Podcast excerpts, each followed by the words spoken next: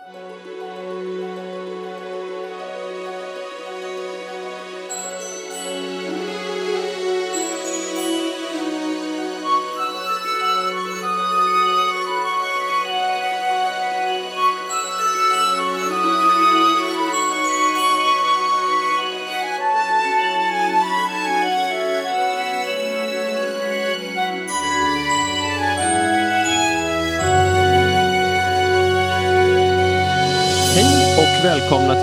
32 avsnittet av Tolkienpodden.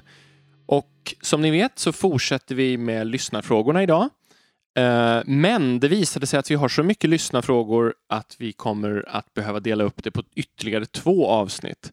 Och vi tänkte att det är lika bra att vi kör så att vi kan beta av de här. Eh, och dessutom är det lite enklare för oss att eh, i dessa bråda senårstider att, eh, att eh, helt enkelt ägna oss åt lyssnarfrågor. Så vi hoppas att ni ursäktar faktumet att det blir väldigt mycket lyssnarfrågor på raken nu. Men frågorna i sig är ju varierande så att det är ju roligt med dem. Precis, de har ju ni stått för, så Ja. att ni räddar upp det här. Precis, med många spännande ämnen. Det är bra. Precis. Vi som gör den här podden är precis som vanligt Adam. Elisabeth. Och Daniel. Och nu är det ju så här att eh, vi har ju även fått önskemål om att eh, lägga in eh, något nytt så här, stående inslag i början av varje avsnitt, vilket vi tycker är jätteroligt att vi har fått lite respons på. Eh, vi har även sedan tidigare tänkt att vi skulle göra det, men inte varit helt hundra på vad och hur och så. När vi avskaffade den här Arda-profilen när vi tappade inspiration, kan man väl säga. Ja, men nu så har vi då landat i att vi ska komma med lite kanske månadens tips. Mm. Månadens Tolkien-tips. Och vi tänker oss som en väldigt eh, vid ram i det här fallet. Kulturfenomen som på något sätt går att knyta till Tolkien kanske, Mm. man skulle kunna säga. Första avsnittet, eh, eller första inslaget, kommer att falla på Adam.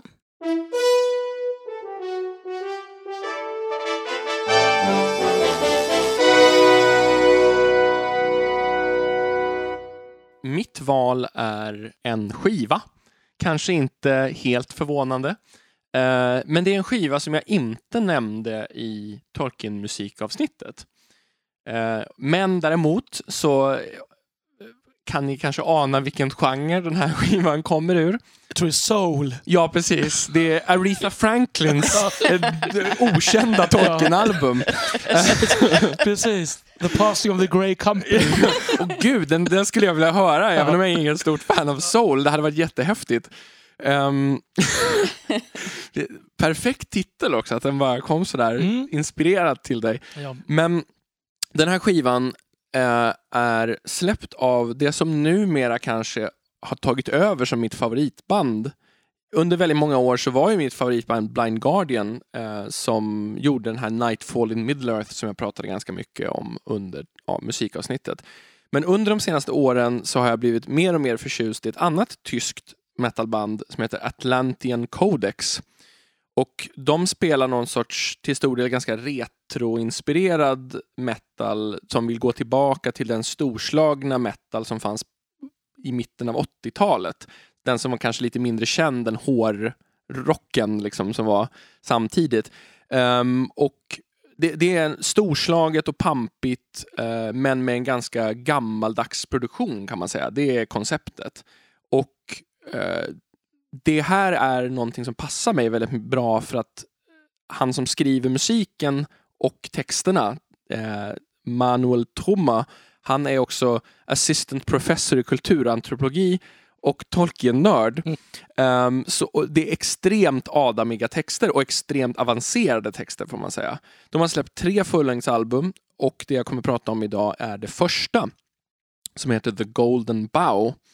Och ehm, The Golden Bow, för den som inte vet, är också namnet på en känd religionsvetenskaplig bok i komparativ religionsvetenskap För, eller för er få som möjligen inte känner till det.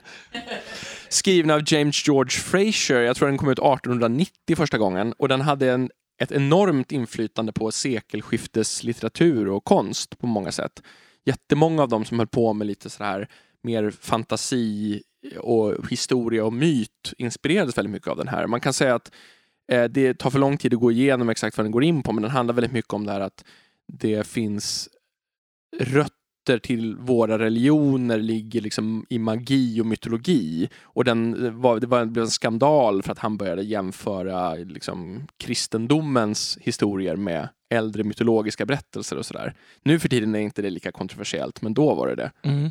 Um, men uh, i alla fall, den här skivan jobbar med det konceptet. Att den, den diskuterar så här, ett, någon sorts mytisk europeisk forntid. Hur, vilka magiska urgamla grejer skulle kunna ligga till grund för till exempel vår religion. Så en av låtarna heter The Temple of Catholic Magic till exempel och liksom spårar den katolska gudstjänsten tillbaka till magiska ritualer så att säga. Spännande. Ja, Ja. verkligen. Mm.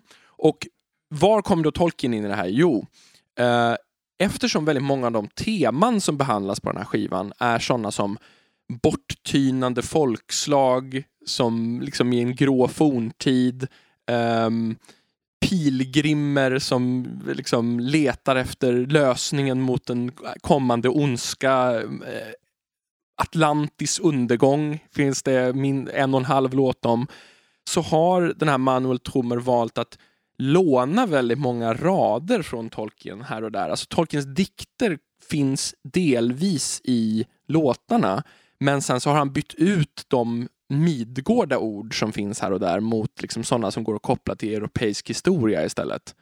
Finns det något konkret exempel på just Ja, det finns ju en hel del sådana här eh, kopplingar som rader som In places deep where dark things sleep, in hollow halls where dead kings weep, where harps once sang with joy of the splendor now buried beneath the seas. det? Just Till det. exempel. Det är sådana här tydliga delar av det lånar från Tolkien och lite omarrangerat. Mm. Ehm, och den, det näst sista spåret, den sista riktiga låten som heter väldigt adamiga titeln A Prophet in the Forest inom parentes Through years of longing we march.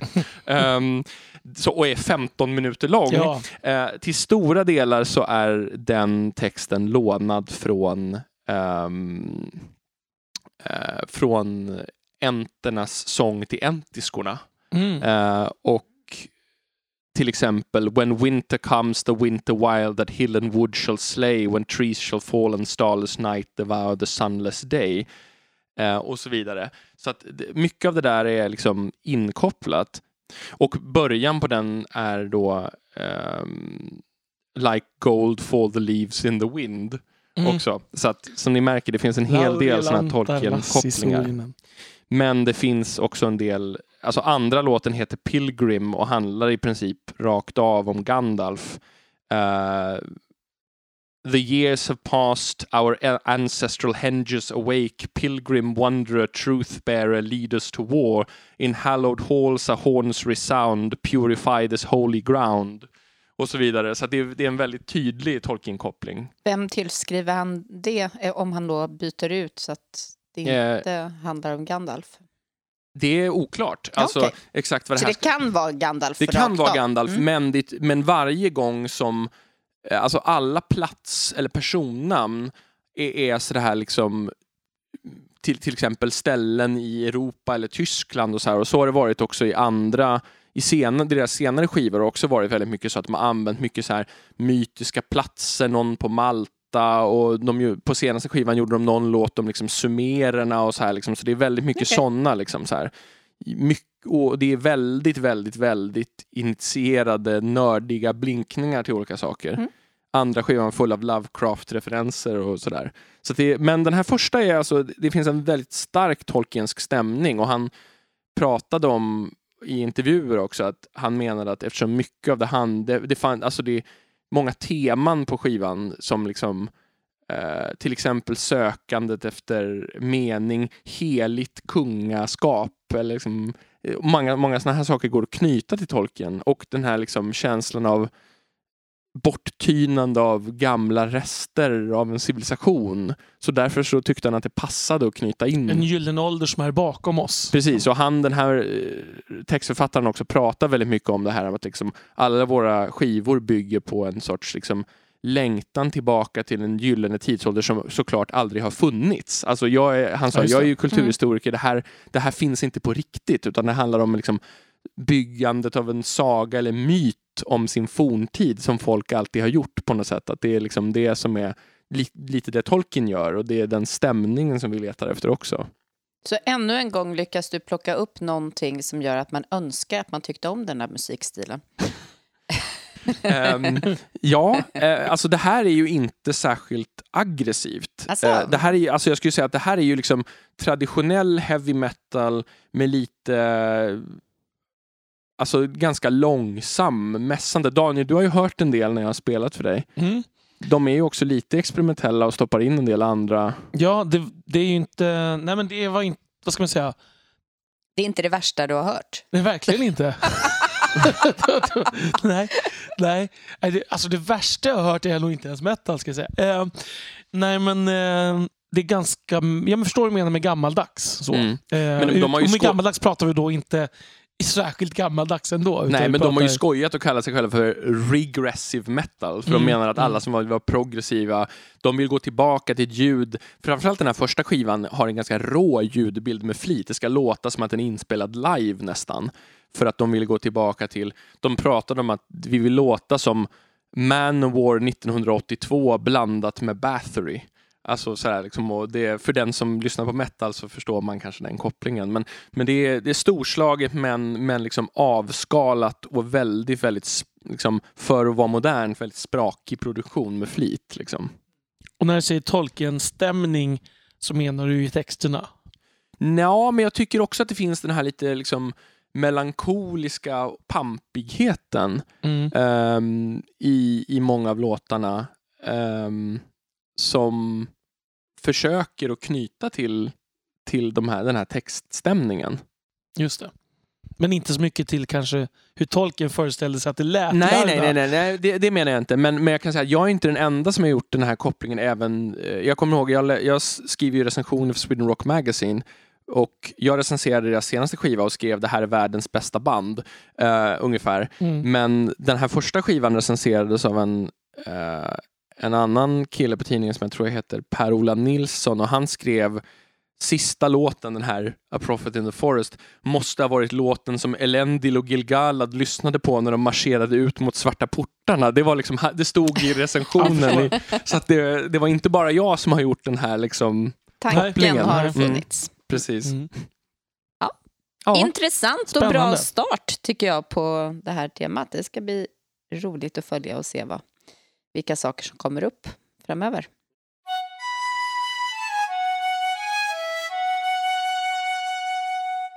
Då ger vi oss i kast med eh, månadens frågor. Eller snarare, det här är ju frågor som vi har fått för ganska länge sedan, Mm. många av de här. Men vi börjar med en fråga som Kristoffer har ställt. Som det är en Youtube-länk med en eh, film på drygt 20 minuter som handlar om eh, eh, man kan säga att det är Marys roll i dödandet av häxkonungen och framförallt Marys svärds roll i dödandet av häxkonungen. Men det, det är egentligen de två temana som, som tas upp i den här videon. Och han, Kristoffer undrar då vad vi har för tankar kring ämnet som i den här filmen. Ja, och då har vi ju inför den här inspelningen eh, lyssnat igenom det här på varsitt håll. Så att vi har inte hunnit prata ihop oss speciellt mycket kring det. Utan det ska bli intressant att se Mm. vad vi har för tankar. Eh, min första tanke när jag lyssnade, det var att det var ju ganska långt. ja. Ehm, ja, han pratar ju ganska länge. Det hade nog gått att sammanfatta det här på lite färre minuter. Mm. Ja, det, det jag tänkte, om man bara liksom, om vi innan vi just gick kast med själva ämnet Ja. som sådant, så tänkte jag lite att det är som att man försökte skapa någon slags kontrovers kring en fråga som för mig känns ganska okontroversiell. Lite grann. Ja. Eh, även om det liksom finns intressanta detaljer i det här så är det inte, liksom, det var inte som att det var jag har kommit på det. Det var liksom den känslan. Men jag fick en känsla av att han refererade tillbaka till någon sorts forumdiskussion eller Ja. något sånt där nästan. Det Så var det vara. lite den känslan. Men vi kanske ska säga också Det att eh, Youtube-kanalen heter Tolkien Lore Och videon han, hette någonting i stil med The role of Mary's sword in killing the Witch King. Nå, något åt det hållet. Det han tar upp då, det är ju dels...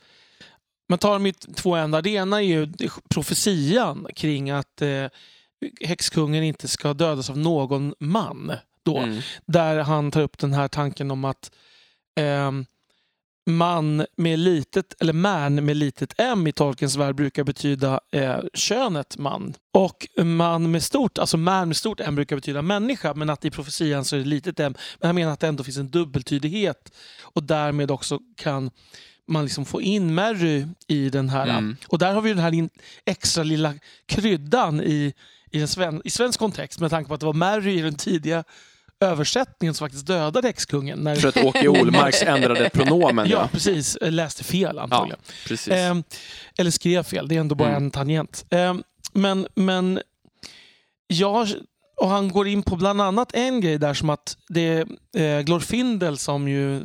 Som, Yttrar profetian Precis. efter slaget vid Fornost. Ja, och där... Det, jag tycker att det fall, hela den här liksom att man skulle kunna betyda människa, ja, visst, ja okej. Men jag tycker att det faller ganska mycket därför att Glorfindel är ju inte en man. Alltså. Eh, och det finns ju väldigt, väldigt många i Midgård som skulle kunna döda häxkungen, tänker jag. Mm. Alltså han skulle behöva vara rädd för alver och dvärgar, Mm. tänker jag. Och man kan Och Gandalf. alv... Och, Ja. och Gandalf och orker. Och det, Ja. men det är ganska många. eh, så att det, jag tror ju att själva, och det vet man ju också att Tolkien, liksom, i den jag hämtar inspiration ifrån, att själva poängen är lite grann att det är att Eowyn är kvinna Mm. som är grejen. Sen finns det ju många, det är såklart det finns många kvinnor också som han teoretiskt sett skulle kunna bli dödad av. Problemet är att i Tolkiens värld är det ju inte så många kvinnor som är ute och slåss. Nej, men alltså, tanken är väl lite grann att det ska vara en total chock för att föreställningen att en kvinna skulle kliva ut på slagfältet och Ja. besegra honom skulle inte ens föresväva häxkungen. Nej, men däremot att en alv skulle göra det känns ju som att det är en ganska rimlig... Ja, nej, men jag alltså- menar, det, är ju, det är ju säkert så att många av de mäktigaste krigarna som finns kvar i Midgård vid Ringens krig är säkert fortfarande typ alver. Glorfindel. Ja, Glorfindel själv, Ja, som uttalar profetian då. Men, ja. Det jag reagerade på som han sa, det var ju det här att han tog upp att, eh, ja men ett argument, det var att Gandalf var osäker på om han skulle klara eh, att ta honom eftersom han är man. Men Mm. han är ju inte, alltså om, om det handlar om mankind Mm. eh, så, så skulle han ju ändå inte ligga där under Nej. i så fall. Nej, precis. men jag upplever också att Gandalf kanske inte riktigt hänvisar till profetian när han pratar om det. Jag tror att han Nej. pratar mer om relativ Ja. makt Ja. mellan dem. Eh, men men jag, sen så pratar den, det andra temat... Jag, jag ja, tänkte bara skulle säga det att jag tycker ju också att det här med att det då är en hobbit inblandad och, och på något sätt det blir mer som en vad ska man säga, en kul vinkling på Mm. profetian snarare än att det var profetian. Och, och den här killen, han säger ju det liksom att skriver Tolkien, alltså med litet m Ja. i man, för att han, är det ett bevis för att han menar att det handlar om man och kvinna? Eh, Mm. men, men jag tänker så här att, och han säger att det är inte ett bevis utan det skulle kunna betyda båda, men jag tänker snarare så att, att skriva med stort M, det hade ju, det hade ju varit att liksom förleda läsaren eftersom Mm. det hade verkat som att det fram handlade om människor då. Mm. Och, och- men en annan sak som han tar upp, som han säger så här, men Gandalf säger det till Denethor med litet m och då säger så här, men Denethor hör väl inte om bokstaven är stor eller inte? Liksom, Nej. så här. Det, det är också, får man tänka sig. Precis. Alltså så här, så att, ja, det där, jag kan känna så här, man, det blir lite annorlunda om man liksom tänker vad försöker Tolkien säga till läsaren Mm. och vad försöker karaktärerna säga till varandra. Ja, det är ju väldigt olika saker. Men, ehm, men jag tycker ändå att eh, jag, jag tänker ju ändå så att slutsatsen är helt rimlig att det i första hand ska syfta på, på Eowyn. Mm. Jag tycker att det är, det är väldigt ogint mot henne att liksom hävda att det egentligen handlar om att hobbiten måste skada honom först. Mm. Liksom. Sen så är det väl så att, att eh, jag tyckte det var en något intressantare del i diskussionen för att eh, det här andra kändes ändå ganska klart redan, Mm. eller inte så, så mycket att fundera kring. Men eh, svärdets påverkan, eh, just de svärden, eh, Och det var, någon, det var någon formulering som hade att göra med att han inte kunde styra sin Mm. kropp. Det, det, det, som, det står ju helt enkelt att liksom inget annat vapen, oavsett vem som hade liksom svingat det, hade kunnat skada honom så mycket och att det liksom skar av de, det som höll ihop hans kropp med hans vilja på något sätt. Mm. Och då, på det viset så blev det ju ändå en kombination. Mm. Eh, jag, men jag tänker mig mer att det är så att Mary, jag menar alltså så här att jag tänker mig att det han diskuterar är ju alltså frågan är det så att Mary bryter förtrollningen så att Eowyn sen kan döda? Det är ju det han menar. Mm. Det är vissa argumenterar för. Alltså han säger inte det, men han säger att vissa argumenterar för det. Att Mary, Marys klinga är det som egentligen bryter förtrollningen och sen kan Eowyn döda honom. Jag tänker ju mer att det är så att Mary ger Eowyn chansen att uppfylla profetian genom att hans klinga kan skada precis. honom. Han stoppar honom i eh, momentet. Där han har övertaget. Mm. Ja, för att det är ingenting som säger att vilken kvinna som helst vid vilket givet tillfälle skulle kunna döda Nej. häxkungen. Nej, precis. Utan det är ju, här finns helt plötsligt en förutsättning. Precis, men jag tycker ju också att jag tänker ju helt klart att det finns en, en innebörd i den här klingan. För att Tolkien ägnar ju nästan ett helt stycke åt den här klingan efter att den har försvunnit. Det är det där stycket som jag tycker så mycket om. Med liksom, Glad would he have been who forged it slowly long ago in the North Kingdom when the Dunedain were young. Och liksom, and wound it about with spells for the destruction of Mordor. Och att han, liksom, deras fiender var Angmar och så här.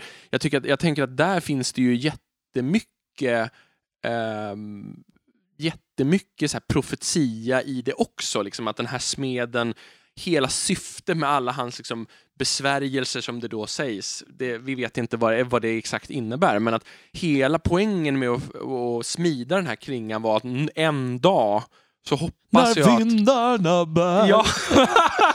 en dag så hoppas jag att vi ska kunna få få vår hämnd på Angmar och häxkungen som har förstört allt vi har byggt upp. Liksom. Och jag tycker att det där är någonting där Tolkiens hela den här, vet, så här många generationers strävan till slut liksom kanaliseras till en, ett ögonblick. Det är Mm. jättefint. Ja, jag blir alltid lite tårögd Ja. när jag läser det där Mm. stycket. Och det är som förmån att få sitta och lyssna på dig när du citerar direkt ur huvudet och man ser att du blir rörd bara när du tänker tillbaka. Jag Ja. älskar det. Ja, man blir rörd av olika saker här i livet. Ja. Ja, men det, ja, men jag håller med. Det är ju klart att klingan spelar roll. Men återigen, det, det behöver ju inte vara ett tecken på att det är den enda klingan som skulle kunna göra Nej. det här. Utan det är att det, här, då och där så uppfylldes de här kriterierna. Som Det kan ju ha funnits massa klingor som hade samma potential och som inte gick samma fantastiska öde Nej, till precis. mötes. Precis. Så är det ju. Och så var det ju säkert. Alltså att, men, men man får ändå tänka på något sätt att liksom en av den här smedens alster till slut letade sig fram till ögonblicket där hela hans folk får en upprättelse för allt sitt Mm. lidande på något sätt. Liksom. Men det är den här klassiska, som jag aldrig kan uttala, eucatastrophe kan jag säga på engelska, Mm. är katastrofen. Mm. Att, igen, fast det, Tolkien benämner inte som en sådan, men just när många, alltså en katastrof är på något sätt när många, vad ska man säga, slumpartade nästan incidenter tillsammans bringar total olycka kan Mm. man säga. Och det här är ju då en motsatsen, Mm. att tillsammans många slumpartade Mm. händelser gör att det bringar total lycka. Mm. Ehm, Mm. Dock inte för Eowyn får man ju säga Nej. som ju bryts sönder här lite, men kan Ja. man säga. Både psykiskt och fysiskt. Och sen blir de bara helade av att bli hemmafru. Ja, ehm, och där föll, föll allt detta karaktärsbygge som Ja, Tolkien har ägnat Tolkiens feministiska strävan här som man inte skulle gå med på att det var. Nej. Och så bara, ja men ska du inte prova köket ändå? Och hon bara, nej men vilken bra idé! Ja, jo, men jag, nu gillar jag den här buren. Ja, precis. Ja. Äsch, det vet vi ju ingenting om. Vi får inte veta deras Faramir var historia. faktiskt pappaledig jättemycket. Precis. Ehm, Jag tror det. mm. Exakt. Ja, i och för sig. Han, han framstår som någon som kanske skulle... Idag hade Faramir garanterat varit en sån som var pappaledig, Och. Aragorn införde ju flera pappamånader där så att Faramir kunde ta ut dem. Precis. Ja. Ja. Jag tycker att det blev intressanta sidor i alla fall ur någonting som jag inte har funderat så mycket över.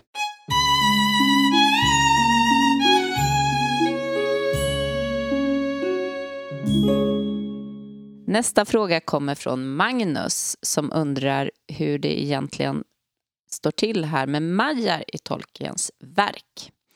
Vilka är de? Vilka krafter har de? Vad har de för betydelse? Och han skriver också att det sägs ju vara Valars tjänare eh, och det finns exempel men de är svåra att bestämma och de känns brokiga. Och lite också hur balrogerna, eh, om de har varit majar, hur kraftiga är de egentligen om man jämför med andra varelser? Eh, det här är ju någonting som vi har pratat lite grann om tidigare, men eh, om vi ska göra en eh, liten sammanfattning, Danne? Alltså jag gör nu, kommer göra en parallell nu till grekisk mytologi och jag har inte riktigt gjort den tidigare tror jag. Men det är att för mig, om man tänker i grekisk mytologi så finns det ju den här eh, gudapanteonen och sen finns det massa olika gudomliga väsen där under som är väldigt olika. Och Jag tänker mig att det är det tolken lite grann beskriver också.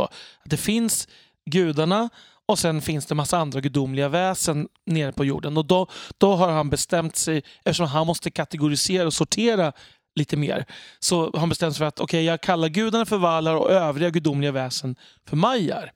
Eh, så att, bara för att ta så här exempel då, till exempel att i, från grekisk mytologi, mytologi Ganymedes hade ju varit en maja om han hade Mm. varit i, i, i Arda. Och exempel. alla de här neriderna och alla små liksom, havsväsen och allting sånt också. Mm.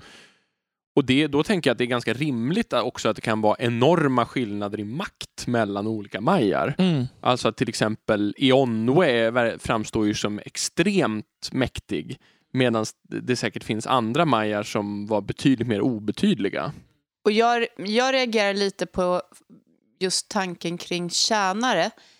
Eh, för i mina öron så låter ju ofta tjänare som någonting som är väldigt lågt och, och Mm, mm. mm, inte bara underställt någon person utan har väldigt låg rang. Och så upplever inte jag riktigt att det handlar om när det handlar om majar.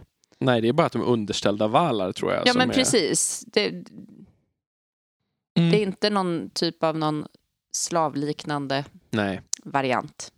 Men de är ju också knutna i Valinor till olika valar. Alltså att det Mm.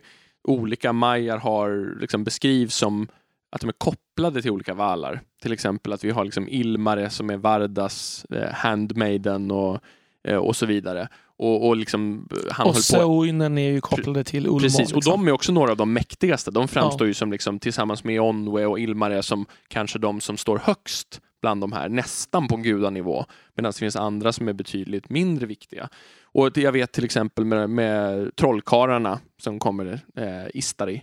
De, de är ju också majar och där ändrar ju tolken liksom vilken vala ska Gandalf få knuten till egentligen. Det ändrar han lite fram och tillbaka i olika versioner och sådär. Men var Sauron knuten till? Sauron var först en av uh, Aules majar. Han kan ha kanske ha hetat Anatar som han, namnet han använder sen. Det är vissa som tror det, men det finns ju inga belägg för det. Det är bara den här gåvornas herre som man kallar sig i Mm. alverna. Mm. Men han lockas i, tidigt till Melkor. Det står inte i Silmarillion utan det finns ju sån här bakgrundsmaterial och anteckningar. Men Och, och då är någonstans fortfarande det fria valet existerande för Mm. majar. De är knutna, ja, men ja, de väljer också. ja, och det är samma sak med balrogerna. De är ju också majar. Valaraukar kallas de ju också i Quenya. Och de sluter sig väldigt tidigt till Melkor, eller Morgoth. Liksom. Mm. Och de, man kan tänka sig att de har varit väsen som har tillhört olika. Men Tolkien skriver någonstans att Aule och Morgoth är de två som är likast ändå på något sätt. Så att ganska många av dem som Morgoth verkar locka över verkar ha varit Aules tjänare. Alltså Valar i alla fall har ju förmågan att på sig ikläda sig sin tanke. Alltså Mm. ta den gestalt lite grann som de väljer, men Mm. också utifrån de- deras personlighet. Eh, frågan är ju hur mycket... Alltså det, det kan ju även Majar till väldigt stor del. Eh, Mm. Men till en viss gräns då. För Sauron till exempel, ha- han, när han lägger in sin kraft i ringen Mm. så tappar han också den, just Precis. den möjligheten. Och när han går under i Numenor så beskrivs det Mm. också som att han liksom förlorar förmågan att framställa sig som vacker och till inbjudande. Mm. Men, men, och det verkar ju också vara som det här vi pratade om i förra avsnittet med Horin och Morgoth. När Horin säger att så länge du vill vara en a king visible on earth kan du inte gå upp på det här eteriska planet. Nej, Och det, så det verkar finnas en sån dimension att ju, ju mer man vill vara en del av världen, desto mer begränsad är man mm. på något sätt. Och det är samma sak som hur Gandalf och de andra trollkarlarna behöver gå in i rent världsliga skepnader, in i liksom per, mer halvt permanent in i människokroppar, så får de också betydligt mer begränsade krafter. Mm. För de ska Känns vara rimligt. rådgivande. På något vis. Eh, Det är väl så att Tolkien säger väl att de alltså Ainur är ju de här gudaväsena i sin metafysiska Mm. utanför existensen-form. Som ju sen blir Valar och Maja när de kommer ner på, på marken så att säga.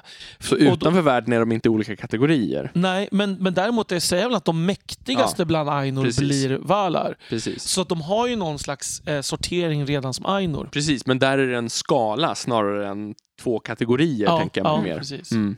En fråga på ett liknande tema ställdes av Patrik som har lyssnat på eh, franskt radioprogram och där eh, så pratar han med Leo Carruthers som är professor vid Sorbonne och han kopplar de fyra mäktigaste valar, Manwe, Ulmo, Aule och då Melkor som ju försvinner från Valars skara. Men han menar att de, är, att de representerar de fyra elementen. Och Patrik tycker att det här låter logiskt men att han inte har hört om det tidigare. Eh, vad har vi för tankar kring det? Det låter logiskt. Ja, Det, gör, det, det finns ju en väldigt tydlig sån koppling. ja. Alltså Ulmo har haven, liksom Aule bygger bergen, Manwe sitter på toppen av bergen och har örnarna och luften och alla Melkors väsen är så här eldandar liksom. Så att det Mm. finns ju helt klart en sån, även om den inte sägs rakt ut så Mm. måste ju Tolkien ha tänkt på det. Och det som jag tycker är intressant här är ju att det verkligen är de alltså, fyra mäktigaste. Mm. Om man, alltså, och det är ju också en skillnad, om man återigen drar paralleller mot, an, till annan mytologi, så inte, där kan man, också, man kan även i grekisk mytologi hitta motsvarighet, alltså, som motsvarar elementen, men det är inte Mm. nödvändigtvis de fyra mäktigaste eller starkaste av gudarna, skulle jag säga. Så det här tycker jag absolut är intressant, och även om Tolkien inte säger rakt ut att de fyra mäktigaste valar motsvarar fyra elementen, så kan man ju se det, absolut. Ja, Sen har vi fått en fråga av, från Erik om eh, Fylkes gyllene år. Och det är ju så att vi får ju veta att liksom i slutet av berättelsen så, så blir ju, får ju Fylke får ett väldigt fint år med bra skördar och gott öl och fler barn och barn med blont hår. Och, eh, rasbiologiskt. Japp. och, och, och Erik, han tar upp att det kan ha att göra med Galadriels gåva till Sam, den här alvjorden som har strötts ut. Men han eh, kommer fram till att det kanske också kan ha att göra med Sarumans död. Att när Sarumans ande frigjordes från hans korrumperade kropp så frigjordes någon form av positiv energi. Det var en intressant vinkling. Jag tror definitivt att eh, den här lilla loddan har med saken att göra. Eh, som samma med sig. Jag kommer att säga något väldigt Danielskt. Jag tror inte det här spelar någon som helst roll, för jag tror inte att det finns en inomvärldslig förklaring. Jag tror att det här bara är en, liksom en blinkning tillbaka till Tolkiens sagotradition. Alltså, och då blev allting, slutet gott, allting gott, när allting redde upp sig. Mm. Jag, tänk, jag ser det här nästan bara som en... eh, Lyckligt slut. Ja, men som ett lyckligt Mm. slut, som ett berättargrepp. Liksom.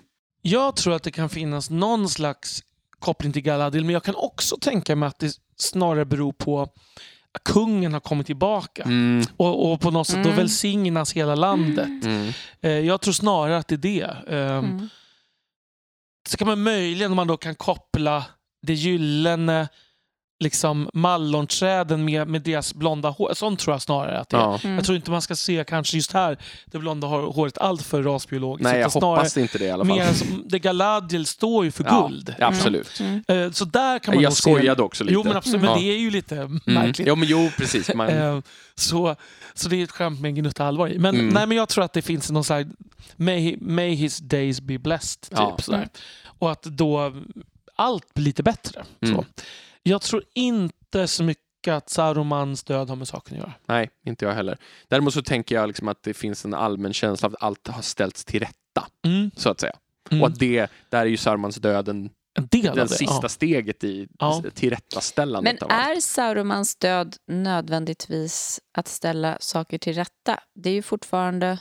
Jag vet inte hur jag ska eh, formulera det, men jag menar det är ju det sista steget i hans misslyckande, i hans uppdrag. Ehm, Mm. eh, och och um, det är ju inte, det är inte en glädje att han dör i sig. Nej, men jag tänker att det är ett, ett offer som behövs för att alltså, hans ande löses upp i vinden som det beskrivs. Att det blir liksom, han blir bestraffad till och med av världsalltet. Han är liksom bortom räddning. Så att det är ändå på något sätt så här, på ett sätt en lättnad att hans, det är nästan som att Sarumans ande själv är lättad över att komma ur den här Mm. liksom, förvridna existensen han har hamnat i på något sätt. För jag, menar, jag håller med också att för det beskrivs ju inte som att det här är det är som, som Frodo som ju på något sätt får stå för någon slags ultimat godhet just här. Mm. Pacifism. Pacifism. Mm. Eh, men jag tänker också att han nog ska vara någon slags... Han är nåd, nådens Mm. förste här Ja. som kommer. Eh, och, och skänker nåd till Saruman som Saruman väljer att inte ta emot, Mm. får man ju säga. Det beskri- beskrivs ju inte som något positivt dåd av Grima när han skär halsen av Saruman. Nej, och sen blir Grima ihjälskjuten av hobbitarna, Ja. vilket också Frodo är emot, för han tyckte att man skulle låta honom löpa. Alltså det, det, är inte, det sker ju inte på ett det sker ju på ett, väldigt, på ett sätt som kan man säga svärtar ner snarare. Ja. Får man Ja. säga. Absolut. Men jag tänker ändå att liksom på det stora hela så det, det verkar inte som att någon av dem som liksom var med och sköt Grima liksom hade PTSD efteråt. Liksom. Nej, vet ju inte vad som hände där. Men Nej, men det, det framstår Troligen inte som inte. att de blev dömda av Fylkes folkdomstol och hängda på gatorna precis. Ja, just det. Men vi vet, vi vet inte vad som skulle ha hänt om det var de som hade dödat Sauruman. Nej, nej, det är sant. För det var ju väldigt allvarligt. Mm. Men det blir ju lite som att Sarmans egen ondska kommer tillbaka och straffar honom för att han till slut har drivit Grima för långt. Mm. Och Grima Absolut. får direkt sitt straff.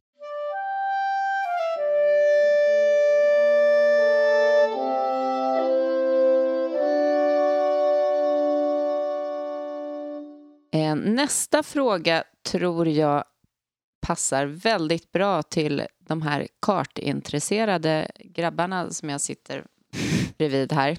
Vilken stereotyp Eh, bild. Erik han undrar lite grann över eh, kartorna mellan eh, Beleriand och eh, Midgård. Och eh, hur stora landområden de var i förhållande till varann.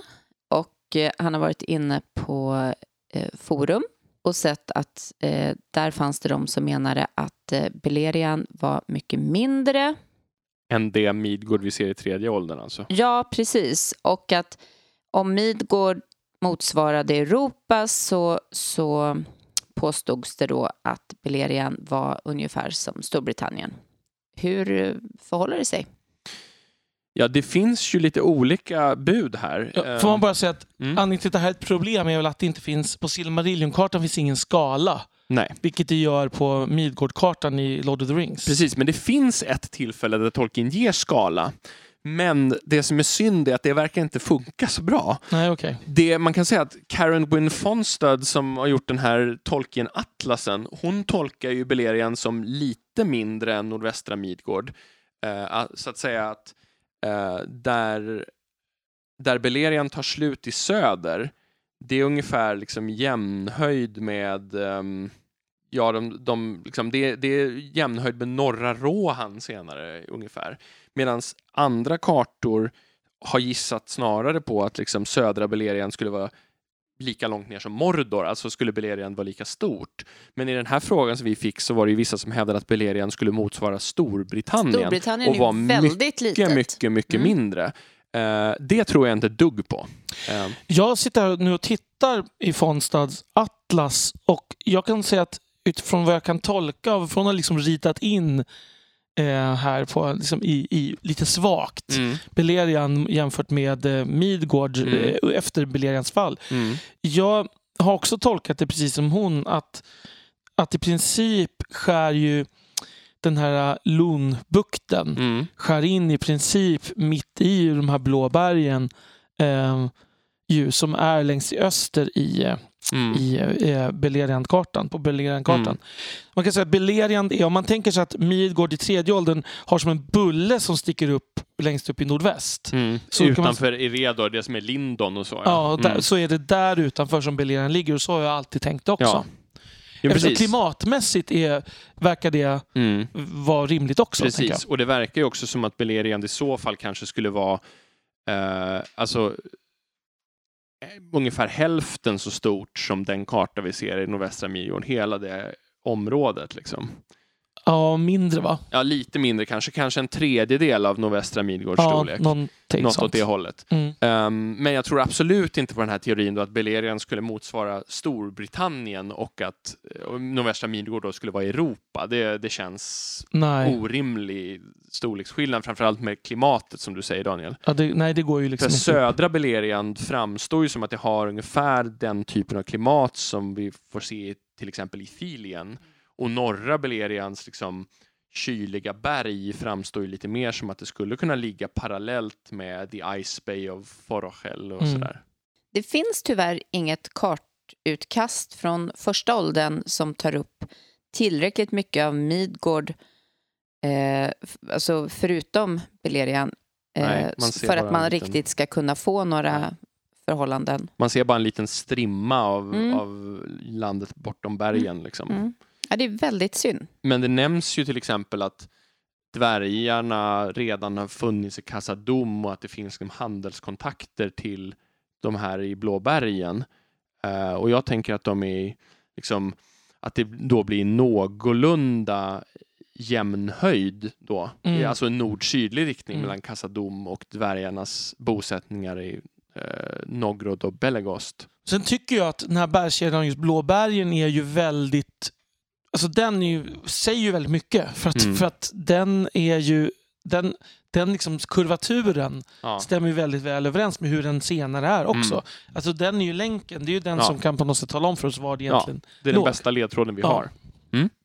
Eh, lite synd vill jag bara eh, säga. Och lite otolkienskt att inte ha målat helheten eller att inte Mm. ha på något sätt när han ändå refererar till det. Jag undrar om det handlar om att upprätthålla den här känslan av liksom en mytisk sagotid. Det här Mm. att man inte riktigt ska veta exakt hur det förhåller sig och att det, det är Mm. lite som den här nästan en förgången tid, det har sjunkit i havet. Hur mycket vet vi egentligen om det här? Det är det som precis, precis, ligger precis utanför kartan. Det vi kan ana men inte riktigt se. Mm. Som han reflekterar om i Om sagor.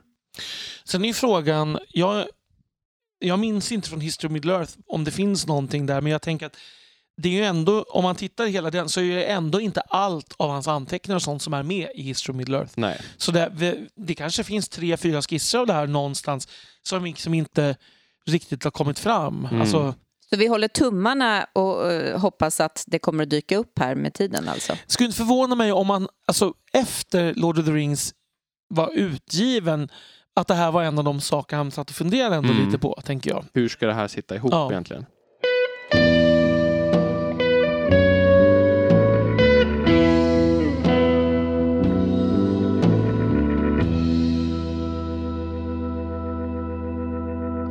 En fråga som vi fick tidigare från Johannes handlar om varför det är så många hobbitar i brödraskapet. Vi hade ju ett avsnitt om brödraskap, men vi pratade inte så mycket om det. Han frågar alltså att det finns ju en symbolisk symmetri med att de olika folken är representerade och i berättelsen så är det ju för att hobbitarna vägrar gå hem så att säga. Men vad var Tolkiens anledning? Alltså varför, varför valde han att göra brödraskapet på det här sättet? Ehm, och ja, eh, det är ju inte helt symmetriskt ändå. Det är ju två människor. Han har ju introducerat de här fyra hobbitarna som huvudpersoner. Det är klart att de ska vara med. Alltså, jag tycker frågan Frågan utgår från att Tolkien hade bestämt när han började skriva att han ska ha ett brödraskap på nio personer och så skulle det vara fyra hobbitar. Det var inte så det gick till utan när han började skriva så hade han ju hittat på de här fyra hobbitarna som har liksom följts åt sen Fylke. Sen kommer han hit och i, till... Alltså, menar, det hade varit ologiskt rent berättartekniskt att skicka hem dem då, tänker jag. Ja. Jag tänker också att, att han ville göra en poäng av att den här vänskapen eh, och den lill, det lilla modet är viktigare än eh, de stora krafterna och Mm. de mäktiga svärden på något Mm. vis. Det är ju lite det... Alltså även om Elrond sen vill, vill ju inte ha med alla dessa fyra hobbitar så är det ändå lite det Elrond säger där att, att, liksom, att det är så världen går, går till. Att de små på något sätt gör genom sitt dagliga värv ser till att världen tuffar på medan de stora sitter där uppe och filosoferar. Mm. Liksom. Nu parafraserar jag ganska kraftigt. ja, precis. Men, men sen, och, det, och de tar också upp det här med vänskap. Men, eh, men sen tror jag, un, jag undrar om, alltså Gandalf är ganska drivande i det här och jag undrar om inte han har den här framsyntheten då, om man nu ska hitta inomvärldsligt mer. Mm. Vad det beror på att han, han ser att de kommer fylla viktiga funktioner alla fyra. Mm. Och sen blir det ju också, från Tolkiens perspektiv så kan man ju tänka att Tolkien vill ju ha det här, den lilla berättaren på alla Mm. de här platserna som ser alla de här mäktiga sakerna utifrån för att vi som läsare ska kunna bli nyintroducerade till Gondor och Rohan och allt sånt där. Och då behöver han fler hobbitar för att kunna splitta upp dem och visa olika delar av Ringens krig. Mm. För det är hela tiden de som vi ser berättelsen utifrån, mer eller mindre. Eh, Och på det viset är det alltså då bara Sam som är onödig. Ja, precis. Mm. Men Sam har ju då en, en annan väldigt Ja. viktig roll att fylla. Verkligen. Men, men, jag, men jag tror att, om man ska vara lite krass, att det är så att Tolkien, han planerade inte så långt fram i sitt skrivande. Så att när han väl satt där i Rivendell och hade fyra hobbitar med sig som ju, som ju liksom var huvudpersoner, Mm. så kan man inte, vad skulle han gjort med dem? Liksom? Mm. Bara, äh, skicka hem Mary och Pippin Ja, och sen är de utanför berättelsen. I, alltså det hade varit jättekonstigt. Nej men precis, han, hade ju, han skrev ju början utan att riktigt veta vart det skulle ta vägen. Mm. Och det är nog en stor del av förklaringen. Men sen kan man ju se att efter Tolkien så har det här blivit en ganska vanlig trop också att man har ett, en mindre del av ett så att säga brödraskap med sig. De som man har med sig hemifrån. Man har kanske en, den mäktiga mentorn eh, och sen så med sig några mindre mäktiga gestalter som vi sen får fortsätta följa. Jag tänker på till exempel de gamla Star Wars-filmerna. Då får vi de liksom robotarna C3PO och, s- och vad det, R2D2. Mm. De får vi följa vidare sen. De är en- svaga och vanliga och följer med Luke. Den enda av de mäktiga och starka och viktiga som kommer med från början det är Obi-Wan Kenobi. Mm. Eh, alltså, och vi, jag kan se det i annan fantasy jag läst också. Att man har som de egna vännerna följer med i början och sen byggs brödraskapet på med de här lite mer superhjältarna senare. jag tror en sak vi var inne på i avsnittet om brödraskapet var att de här hobbitarna bildar ju liksom en liten al- mini-allians inom det här brödraskapet. Alltså de Ja. är ju ett stöd åt Frodo. Mm. Man kan säga så här, Gandalf är ju helt klart på hobbitarnas sida. När Gandalf försvinner så är det ju trots allt så att Aragorn har ju tagit sig an dem. Han, Mm. han adopterar ju, kan man Ja. säga, hobbitarna då. Och som ser sig ju nödgad att ta hand om dem. Mm.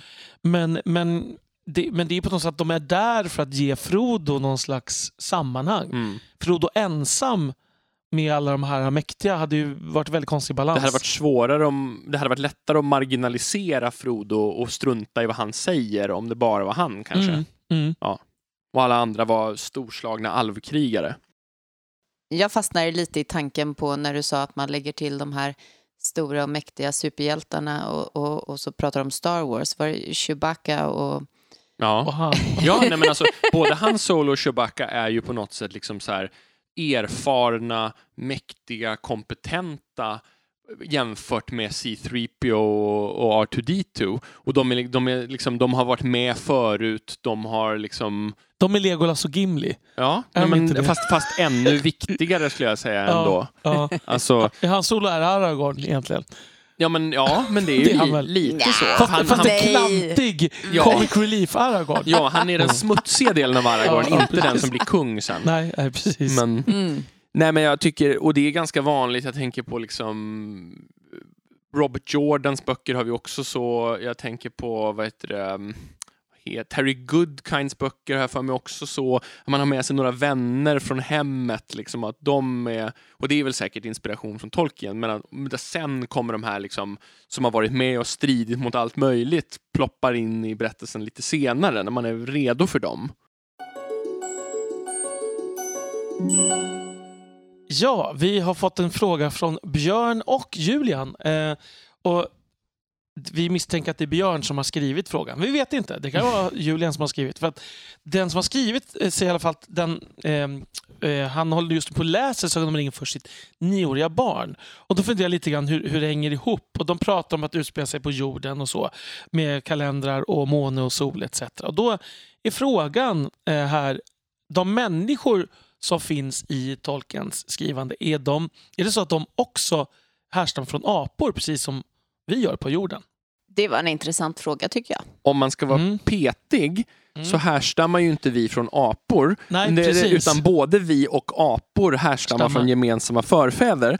Bara så att, vi, Precis. så att ingen skriver in till oss och klagar på Exakt. Vi har terminologin här. gemensamma primatförfäder. Precis. Mm. Eh, men eh, däremot så tror jag att svaret är ett rakt nej här. Jag tror Tolkien trodde ju antagligen inte på, det, jag har aldrig sett det i alla fall, på att människan härstammade från, från något sånt. Utan eftersom Det känns ju inte som att det ligger riktigt i hans... Eh, kristna åsiktspaket. nej, precis. Framförallt inte under den tiden så var väl inte det så, så vanligt att man kombinerade. Nej, alltså Darwin har ju, har ju kommit långt innan Tolkien, men jag tänker att bland kristna under 1900-talets första hälft Ja, så, så, så- var ju inte det nej. någon vanlig Nej. åsikt att Nej. ansluta sig till. Dä- Däremot så vet vi nästan säkert, eller vi vet säkert att det finns apor i Midgård. Eh, dels så jämför en ork en annan ork med en ape Mm. och dels så, så tror jag faktiskt att det till och med finns en mening, jag kommer inte ihåg exakt varifrån den står, att det finns någonting med i de mörka skogarna i söder, någonting, att det står något om Mm. apor. Och du tänker inte på den här meningen att han kände en häftig impuls att slå till det grinande apansiktet? Nej. Nej, precis. Nej. Där fick vi ju ett tredje belägg som Åke Olmarks grävde fram, Ja. trots att det inte fanns i den I engelska sin texten. egen bördiga fantasimylla. Oerhört skickligt av Olmarks att hitta något som Tolkien själv inte hade grävt ur Westmarks röda bok. Nej, precis.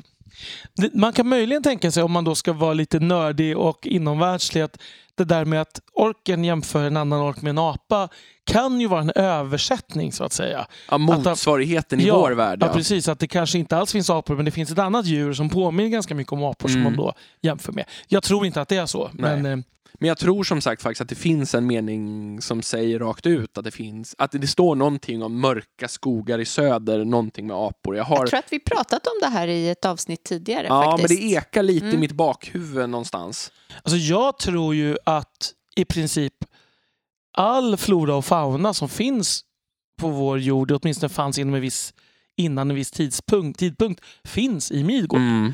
Jag tror eftersom det bygger på vår värld så Mm. tydligt. Så, eh, alltså därför tror jag också så här att om det är så att eh, Tolkien inte trodde att människorna i hans värld härstammade från primater så tror jag ändå att de gör det i, även i hans värld. Ja, jag förstår. Det För är den här läsningen utanför läsning, författaren. precis. För att om det är tanken att det här ska utspela sig på jorden, vilket Mm. Tolkien säger, det är ingen science fiction-värld, liksom, Nej, en annan planet. Då måste det vara så, ja, om man tror på evolutionen. precis. Så Eru väckte primaterna. Eh, Alltså, och vissa primater blev alver och andra primater blev... Ja, Ja. Vi får väl, det, det kanske faktiskt inte går ihop helt enkelt. Men det går ihop på samma sätt som vilken mytologisk berättelse som helst. Ja. Tänker jag. Absolut.